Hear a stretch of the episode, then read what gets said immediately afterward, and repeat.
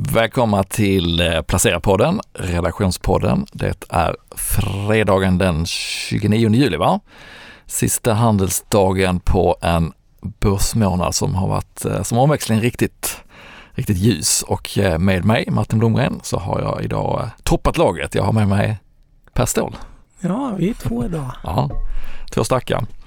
Eh, vi ska prata rapportperioden som i princip är över i Sverige, pågår för fullt i USA och resten av omvärlden. Eh, lite börsläge, lite vår lista med månadens aktier som vi precis har skickat ut ja. på Placera Mm. och lite egna affärer. Och eh, för min egen del som inte har varit med på en månad har jag faktiskt hunnit göra en hel del så att det tar vi på slutet. Och den snabba börsvändningen också. Det var ju det vi var senast vi poddade när du var med här så pratade vi om det här. Så var det, det var nu månadsskiftet juni-juli Ja, och då sedan. satt Mm. vi med sex månader i rad eh, där OMX S30, då, storbolagsindex i Stockholm, hade, eh, var på minus varenda månad fram till dess, hela första halvåret. Nu är vi då upp eh, 10-11 procent tror jag faktiskt på OMX S30. Eller åtminstone på breda index, det kanske inte riktigt lika mycket på OMX S30. Men hur som helst, en ordentlig studs i juli. Så att nu är väl faran över Per eller? Ett riktigt tjurhus har det varit. Nej, Ja. men jag tänker om man tittar, om vi bryter ner det på sektorindex då fastighetsindex, Carnegie Real Estate Index har ju rusat tror jag närmare 30 procent sedan botten. Bara som en indikator. Att Lite det risk på, liksom- lite ränteoro som minskar antar jag. där.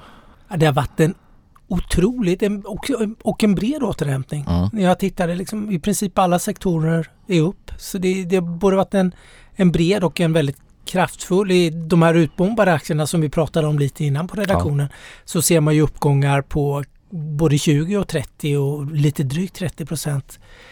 Samtidigt som då centralbankerna fortsätter höja Fed höjde ju i veckan en trippelhöjning. Så om man, om man inte följer börsen normalt sett så tycker man nog att det ser väldigt eh, märkligt ut att centralbankerna stramar åt mer än vad de har gjort sedan början på 80-talet och börsen reagerar väldigt positivt.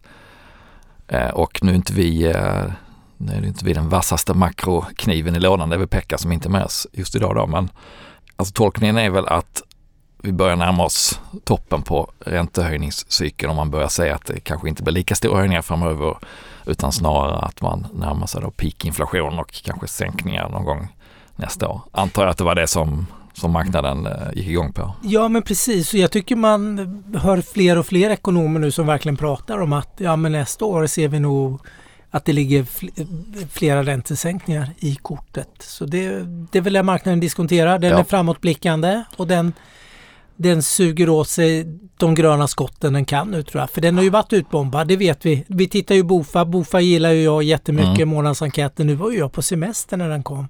Men jag såg att du eh, gjorde några kommentarer kring det för du satt på plats. Den kom 15 det kom den inte för det var en fredag då var jag här. Den kom 17 18 eller någonting Mm. i mitten på månaden. Eh, och du hade med den i någon kommentar. Det var så jag fångade upp den faktiskt. Ja, men jag sög upp den lite precis i ett annat sammanhang egentligen väl, men hur rapporterna har varit och att, att, det, att placerarna då, eller de stora fondförvaltarna har mer kassa än någonsin nästan och är väldigt, väldigt deppiga. Samtidigt som eh, verkstadsbolagen eller industribolagen inte ser någonting av den här nedgången som, som alla är oroliga för. För det är ju baksidan av att räntorna har gått ner och det är för att alla, eller många befarar att det är en stor recession på väg. Eh, men intressant nog eh, så ser man i princip ingenting av det i de stora industribolagen. Alla säger i princip samma sak, att vi läser tidningarna, vi ser makrosignalerna, vi, vi hör vad ni också hör, men i vår egen affär så nej, vi ser inte det. Det är bra beställningar, det är bra eh, orderingången upp, försäljningen upp, Eh, vi är på tå, vi vet vad vi ska göra om det viker, men vi ser inte det. Så det är lite, lite märkligt, men så var det ju lite grann också, ska man säga, innan eh, 28, finanskrisen där, att det, det såg ju bra ut fram tills det inte gjorde det längre. Så att man ska inte vara för, eh, man ska inte ta det som ett alltför starkt bevis på att det inte kommer att bromsa in, för att det kommer det nog göra.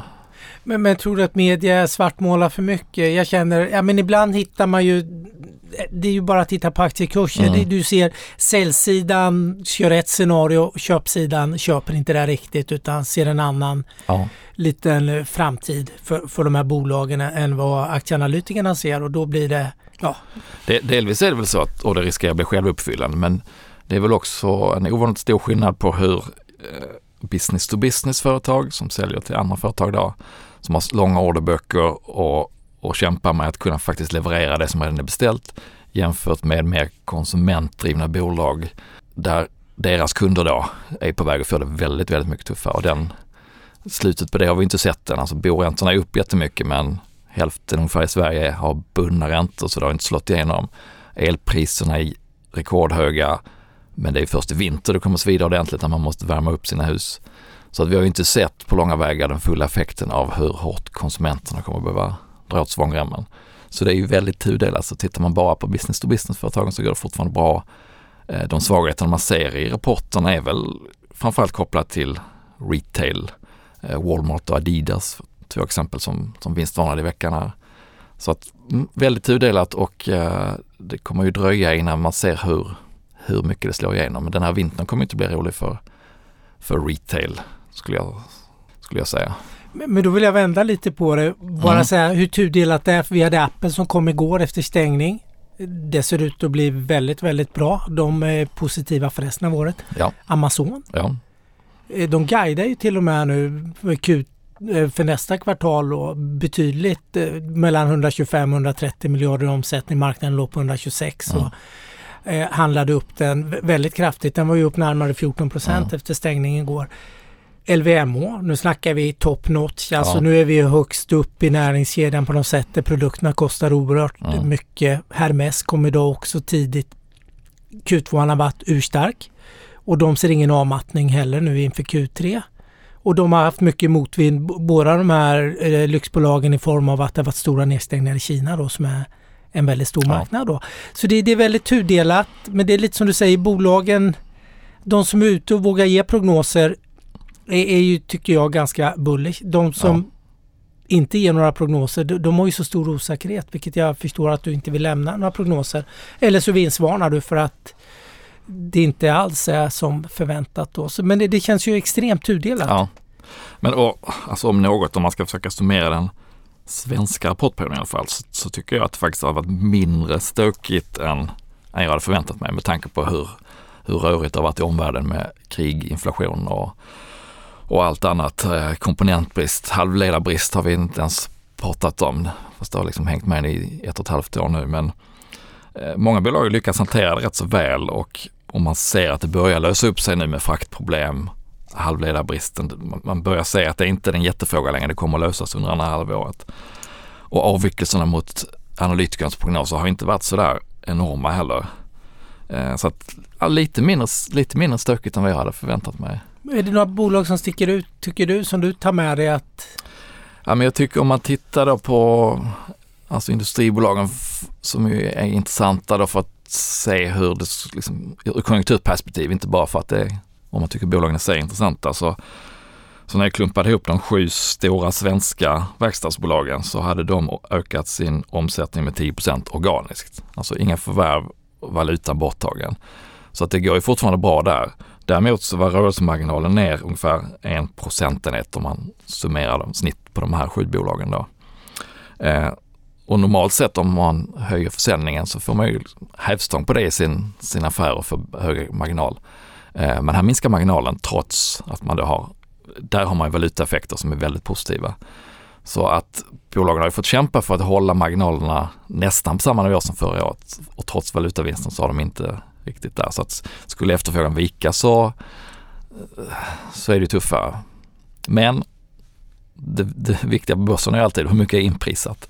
Alltså kursen var ju ner nästan 30% när vi var vid halvårsskiftet. Så att det som spelar ut här i rapporterna nu och kommande ett, två kvartal, det är ju det som, som har gjort att börsen redan har gått ner. Så att man måste ju alltid ställa sig frågan hur mycket är redan inprisat och eh, ja, men, men känner du att det är mycket inflationsdrivet, säger de? För jag tittar ju på Semmel exempelvis nu, ja. om vi pratar halvledarbrist då, ja. som har en otrolig efterfrågan, men de sätter sig blandat ut för de, är, de har ju också komponentbrist eller och de ser inflation, i, ja, men det, det är frak, problem med frakterna som har stigit mycket, även löneinflation och så vidare. Att inflationen finns. Ja och ligger och puttrar. Och även där blev ju bruttomarginalen blev faktiskt lite sämre än förväntat. Men man är väldigt bullish ändå nu inför eh, både det här året är lite överspelat men inför Ja. nästa år så har man mycket fakturering som man har skjutit fram och sådär då.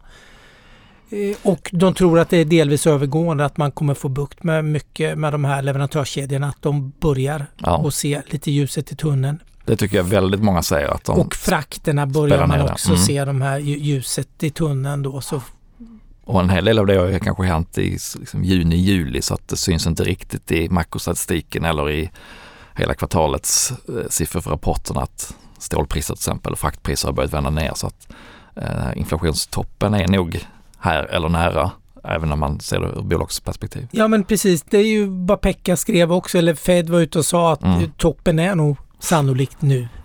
Eller har varit eller är nu precis här under Ja. juni, juli, inflationstoppen då. Att det Men det är klart, även om det planar ut så är det ju då höga nivåer man ska tugga i sig och, och längst ut står vi som konsumenter då som, som kanske inte får, eh, förmodligen inte löneförhöjningar i nivå med, med inflationen så att vi kommer ju att, det kommer ju tära på, på privatekonomin hos många och eh, de bolag som är väldigt exponerade just mot, mot retail eller mot eh, privat eh, ekonomi, privatkonsumenten kommer ju att känna av det. Men det, och, Alltså det ljusa sidan av det på svenska börsen är att vi har inte så mycket konsumentbolag på, på börsen som är tunga index. Utan om resebolag får det lite tuffare och om handelsbolag får det lite tuffare, det är inte de som väger tyngst i svenska börsen. Amerikanska är ju sammansatt på ett lite annat sätt så att det behöver inte vara så otroligt negativt för just svenska börsen faktiskt. Och den har ju laggat i år. Den var Ja. riktigt stark eh, fjolåret men har laggat betydligt i år. Och det kan finnas mer tror du? Låter det ju som lite att du, du är ganska positiv här. Ja, men jag tror, eller befarar ju att den här snabba uppgången vi har nu ska man inte riktigt eh, ta för givet att det har vänt. För att som sagt, det, de här effekterna av att framförallt konsumenterna då får det tuffare kommer ju att sippra igenom. Så att, eh, att det skulle redan ha vänt och att hösten bara blir en, en räkmacka fram till årsskiftet har jag lite svårt att säga. Utan det kommer nog komma fler perioder av eh, börsoro eller börsfall innan innan man vågar blåsa fan över. Eller vad tror du? Nej, jag håller med. Jag tror att det blir en hög volatilitet men lite som vi började här med att prata BOF att de här sentimentet har ju, är ju allokering till aktier. Ja. Allt har ju bara, kassan är rekordstor. Eh, Allokeringen till aktier är ju extremt låg. Det, vi pratar ju finanskrisnivå. Eh, Och allokeringen till teknikaktier har ju varit också extremt låg och sådär. Så det finns ju många, det finns ju mycket uppsida mycket men det blir nog volatilt. Ja, och man ser ju nu hur snabbt det, kan sticka upp när, när vindarna vänder. Och lika snabbt kan det ju vända tillbaka om, eh, om vi får lite surare signaler. Mm. Vi har skickat ut, eller du har skickat ut nu på morgonen, du var ju duktig här. Kom in på redaktionen och hamrade på på tangentbordet och har lagt ut eh, Månadens aktier. månadens aktier, Ja. precis. Vad, Då vad- gör vi, om man inte känner till den här då, så är det ju där vi kastar in, vi på redaktionen, ett par förslag var för aktier som vi tycker är intressanta. Framförallt på lång sikt, men, men vi gör byten i den varje månad om, det, om vi tycker det behövs. Eh, hur som helst, jag har gjort eh, ett byte för min del, de aktierna jag eh, tar med. Jag tog ut Garo, elbilsladdarbolaget som har gått som ett skållat troll i juli, upp 38 procent tror jag det var. Eh, utan egentliga stora bolagsnyheter. De har inte rapporterat ännu, om jag inte har missat någonting här. Så att eh, de var hyfsat högt värderade innan just för att det är en så växande sektor och de kommer liksom att ha bra tillväxt länge. Men jag tycker nu försvann rätt mycket potential när den går så snabbt på så kort tid. Så de fick, de fick lämna och så tog jag in eh, lite mer defensivt då Afry, gamla Mm. ångpannan som eh, jag tycker har eh, fått kanske lite för mycket stryk. De är nere på en värdering, vi pratat om dem tidigare, jag skrev dem i våras någon gång. Nere på en värdering där de brukar vända samtidigt som de har en rätt solid bred kundbas och nu är direktavkastningen 4-5 procent. Eh, inte, de är inte okänsliga för konjunkturen men jag tror de kommer att segla igenom hyggligt eh, oskadda i alla fall. Så att bara på att de eh, levererar stabila rapporter och den här låga värderingen så tror jag att det kommer förr eller senare studsa upp så att eh, de plockade jag in. Är inte det en liten eh, strukturell case ändå? Vi pratar energieffektivisering och hela det här nu som, Exakt. som ligger och bubblar och som Ja. bubblar mer än någonsin nu. För nu ser det ut som att äntligen i USA så kommer man att Ja. eh, klubba igenom eh, det Biden gick mycket till val på den här Green Deal eller få mm. omställningen. Ja men precis, det är, det, det är liksom digitalisering av industrin där man behöver, där man inte har den kompetensen in-house utan man måste ta hjälp av konsulter och eh, Afri är ju tillsammans med Sweco och Raiders bland annat de, de stora på det här området då i Sverige och Norden. Ehm, så att ja, det är ju inte, det är ju inte en eh, enormt sexig eller spännande verksamhet i sig men när värderingen kommer ner så här mycket den har vänt tidigare så tror jag att det kommer räcka rätt bra med att bara infria förväntningarna för att det ska hoppa upp. Eh, men du gjorde inga, kastade Jo. inte ut något va? Du Nej, tog in, Nej, jag vågar inte. Jag, OSML, mycket bra. Ja. Den var överraskande bra. De har det tufft och det, det är tufft och alla vet om det. Men eh, de sa en intressant grej. Jag lyssnar på VDn. De säger att eh, det ser jättebra ut på lite längre sikt. Nu är det alla de här problemen som alla företagen Mm. har i princip med att få rätt komponenter och så. Men de är extremt eh, positiva med den här eh, omställningen, den gröna omställningen som görs. För de säger att det kommer driva väldigt mycket typer av halvledare och eh, de, den typen av, av insatsvaror. För att eh, göra smart grids, alltså smarta elsystem som effektiviserar våran energianvändning. Även vindkraft och solkraft drar mycket, mycket halvledare. Och eh, även elbilsomställningen är ju en, en riktig mm, det, det, de pratar om tre, fyra gånger så mycket halvledare som en traditionell bil. Och, vilket inte de tycker är inprisat. Och sen har vi även den stora omställningen nu då. I USA är det ju två stora grejer nu i veckan. Det är ju den här Green Dealen då. Och sen har du nu att de vill, ta, vill stimulera för inhemsk eh, halvledarproduktion. just det. Eh, Man har ju varit vägledande Mhm. på det en gång i tiden när det begav sig. Det glömmer man ju lätt bort och sen asiaterna tagit över och nu vill man flytta hem mycket produktion och eh, säkra leverantörskedjorna. Så det kommer ju också eh, det kommer att stimuleras och eh, byggas nya fabriker vilket gynnar HSML. Så på någon sån medellång till lång sikt Mm. ser det väldigt bra ut och den är inte särskilt dyr. Men LVM tror jag är en, min gamla Ja. favorit.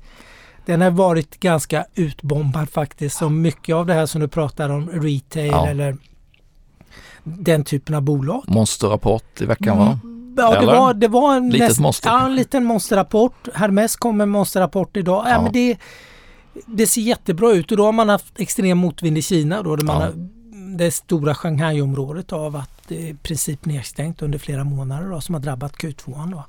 Vilket gjort att man har haft noll till, eller till och med minus eh, tillväxt då borta i den delen av Asien då, där Kina ingår. Men otroligt stark tillväxt. Den är underliggande. Räknar vi bort valutan då, för valutan de gynnas ju också nu då Ja. när US-dollarn har gått över en då. Eh, Men de ligger över 20 procent i vinsttillväxt då. Ja. Valuta ojusterat och närmare, jag tror det ligger 28 procent på halvåret mot i fjol då.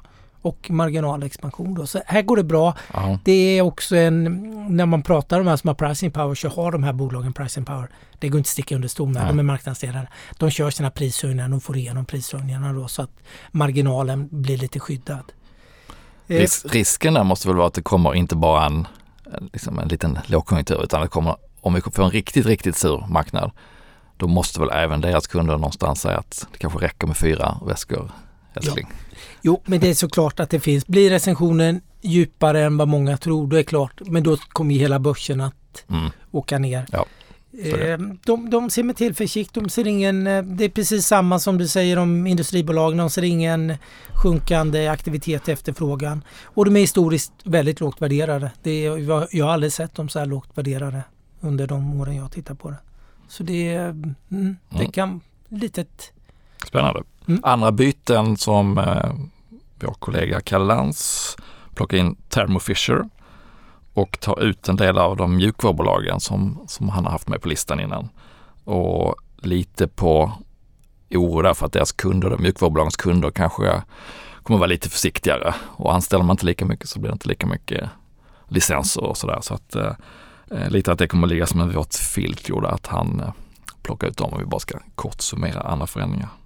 Men vill man läsa hela pjäsen så kan man ju gå in på sajten såklart. Eh, hur är det med egna affärer då? Ska vi ta den bollen direkt eller? Ja, men det kan vi göra. Jag har gjort lite fondaffärer faktiskt. Ja. Jag blev lite sådär sitta på semestern. Jag började handla mycket vid Bofa när den kom. När du, Mm. och då, jag har köpt teknikfond. Jag tänkte det är bra, jag får ett snabbt eh, bett. Jag tycker teknik har gått ner oförtjänt mycket.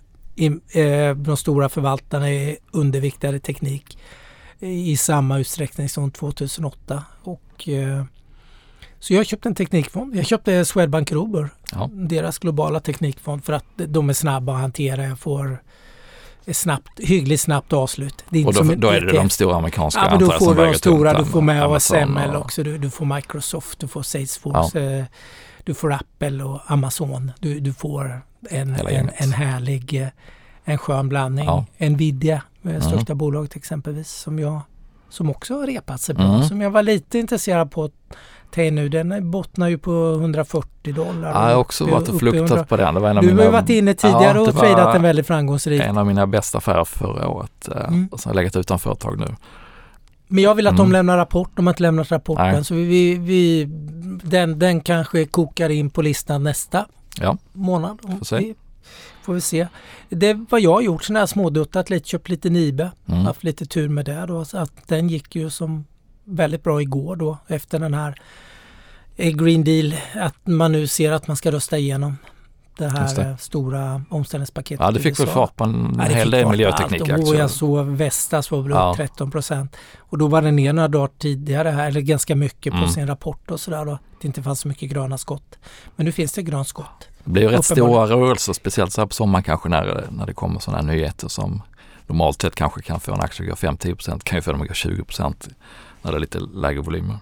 Ja, Det var jag gjort. Vad har du själv gjort? Ja men jag har, eh, jag, nu är det ju kanske en månad sedan jag var med här på grund av semester och sådär så att eh, jag har försökt titta tillbaka vad jag har gjort. Då har jag köpt en del faktiskt. Jag köpte eh, efter rapporten, det var ett par veckor sedan nu, Afri också. Köpte jag privat för några veckor sedan. Samma argument såklart som, som gjorde att vi tog in den på listan här. Eh, jag har köpt eh, Kopparbergs öl och ciderbolaget. På den väldigt eh, är det på värme, värmeböljan i Storbritannien? Exakt, de är ju den stora bas- basala analysen att det är dam-EM i England, det är jättevarmt. Eh, tjejer gillar ju cider, killar också, men eh, speciellt eh, tjejerna i Storbritannien verkar tokiga i deras cider. Eh, och att resandet har kommit igång. De har en hel del försäljning i, i eh, Spanien och andra liksom semesterorter som ju har varit riktigt stillastående under pandemin. Så där borde de också få en skjuts. Och eh, dessutom så är då pundet jämfört med kronan i alla fall ganska starkt vilket gynnar dem. Så att det borde vara, tycker jag, ett Q2, Q3-paket som blir ganska bra för deras del, den här sommardelen. Så att de har jag köpt. Eh, jag har köpt, för är jag kör Proact. Mm. Moln som ju gör, hjälper kunder med olika typer av molntjänster och paketerar lösningar åt kunderna. Eh, kom en jättebra rapport. Eh, jag skrev om dem i, det var kanske ett halvår sedan i december. Då såg det bra ut men då hade de lite problem som många andra med komponentbrist och kunde inte riktigt få ut det man ville till kunderna så att det var lite risk för att det skulle vara en lite svagare period. Eh, nu verkar den vara över för det, det var lite proppen ur här i andra kvartalet eh, och, och lågt värderad. Så de har jag köpt. Jag har också köpt tillbaka Securitas som jag ägde tidigare i våras. Och de kommer väl med en riktig rökarrapport. Ja, först, först kom ju beskedet att den här affären med Stanley i, i hamn då. Eh, och det var det jag köpte. Och sen kom de eh, med en jättebra rapport här i veckan som fick den att stiga. Nu väntar en stor nyemission i september, september tror jag de specificerade till och de ska ha kapitalmarknadsdag och lägga ut liksom planer för hur det här nya bolaget då när de går samman med, med Stanley ska se ut. Men eh, otroligt lågt värderat, P-tal på 9 kanske, 10 och eh, bra rapport som sagt. Så att det, jag tycker det trumfar ändå att, att det kommer bli en utspädning här i emissionen och så länge det underliggande går bra så, så, så tror jag att man kommer att vilja delta i emissionen och då, då kommer det vara ett nytt bolag som, som reser sig ur askan framåt nästa år. Ja, det där är lite intressant för det, vi har ju pratat om det flera gånger tidigare att de bästa affärerna vet man när man tittar i backspegeln. De gör man ofta under de här när marknaden är väldigt Ja. stressigt. Detsamma gäller bolagen. Jag tänker det här kan det är ju ett jätteförvärv Mm. Och man gör det under, nej, ja, det, vi får ju nästan gå tillbaka till 2008 tycker jag, när marknaden har varit så här stressad Ja. under så här lång tid som den är nu på många sätt och vis. Och ändå genomföra den här affären att tittar man i backspegeln kanske om två eller tre år så Mm. kan det ju eh, bli väldigt spännande. Ja, de presenterade ju den i december var det väl.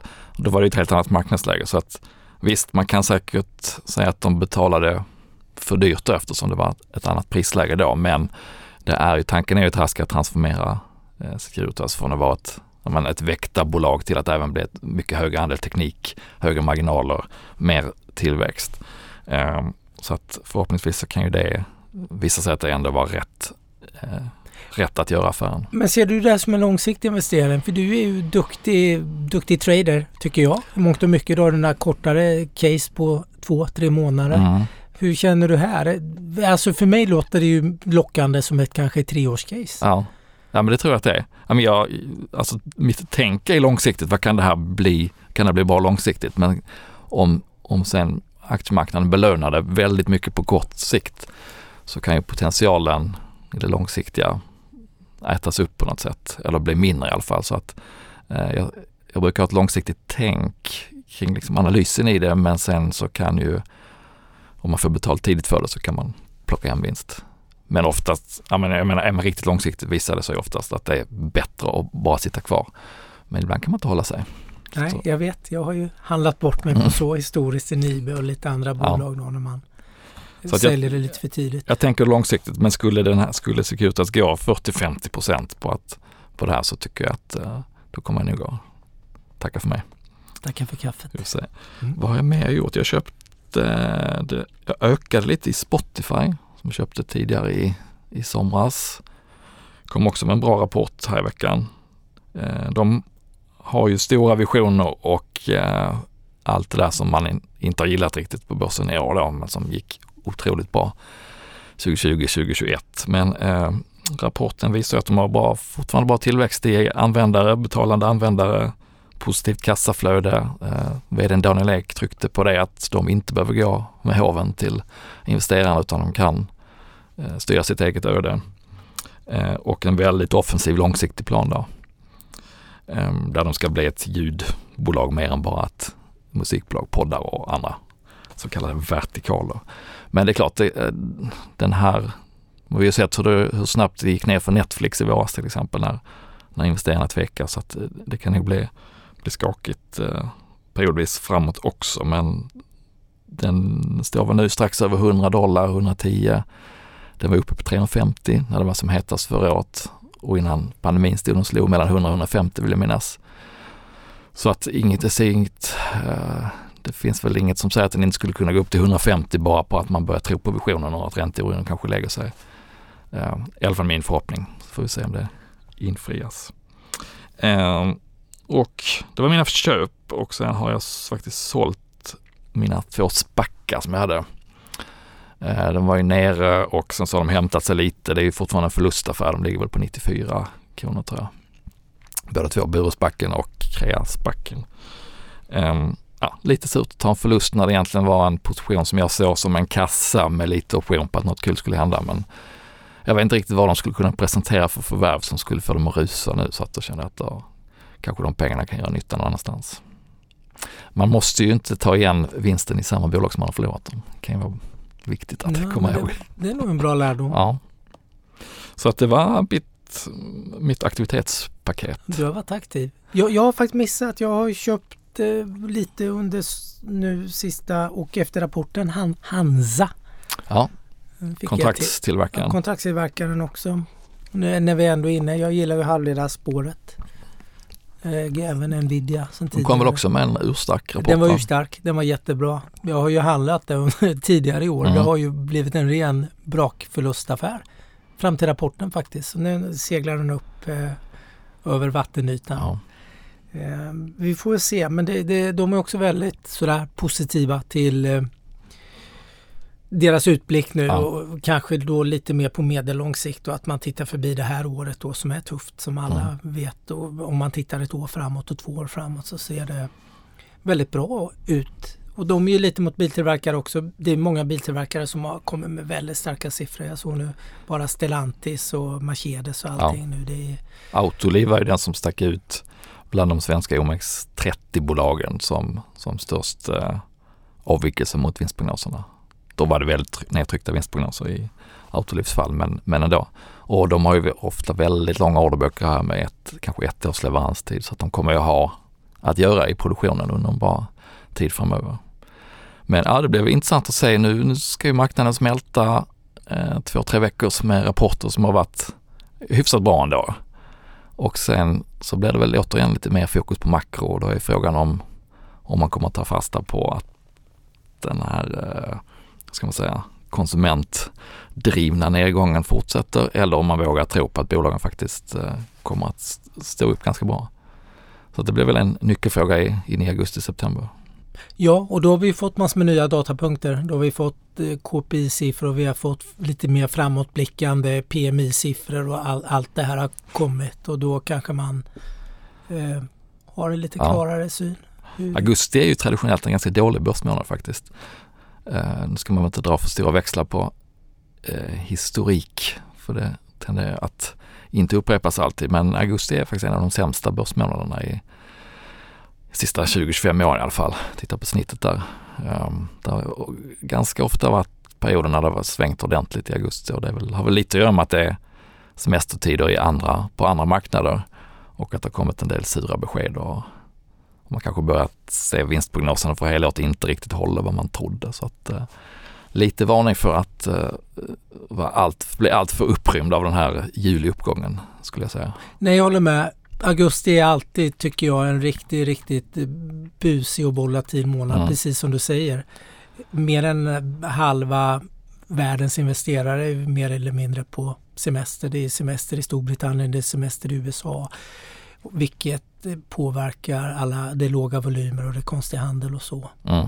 Och sen september också brukar vara lite shaky och sen framåt oktober så liksom stryker man innevarande år så börjar man titta på nästa år. Då är allt lite ljusare igen. Så så tar börscykeln ett nytt, ny fart i ett halvår ungefär. Ja, men lite, det kan nog vara en bra konklusion. Lite mer volatilitet augusti, september. Så kommer vi in i oktober och sen blir det rapportperiod mm. och sen blickar man lite framåt och då börjar man kanske diskontera ganska mycket räntesänkningar under Precis, det skulle kunna vara. Skulle kunna vara. Ja men gott, ska vi eh, stänga lådan för den här gången? Ja, det tycker jag. Då säger vi tack för att ni har lyssnat ännu, ännu en gång. Trevlig helg. Trevlig helg.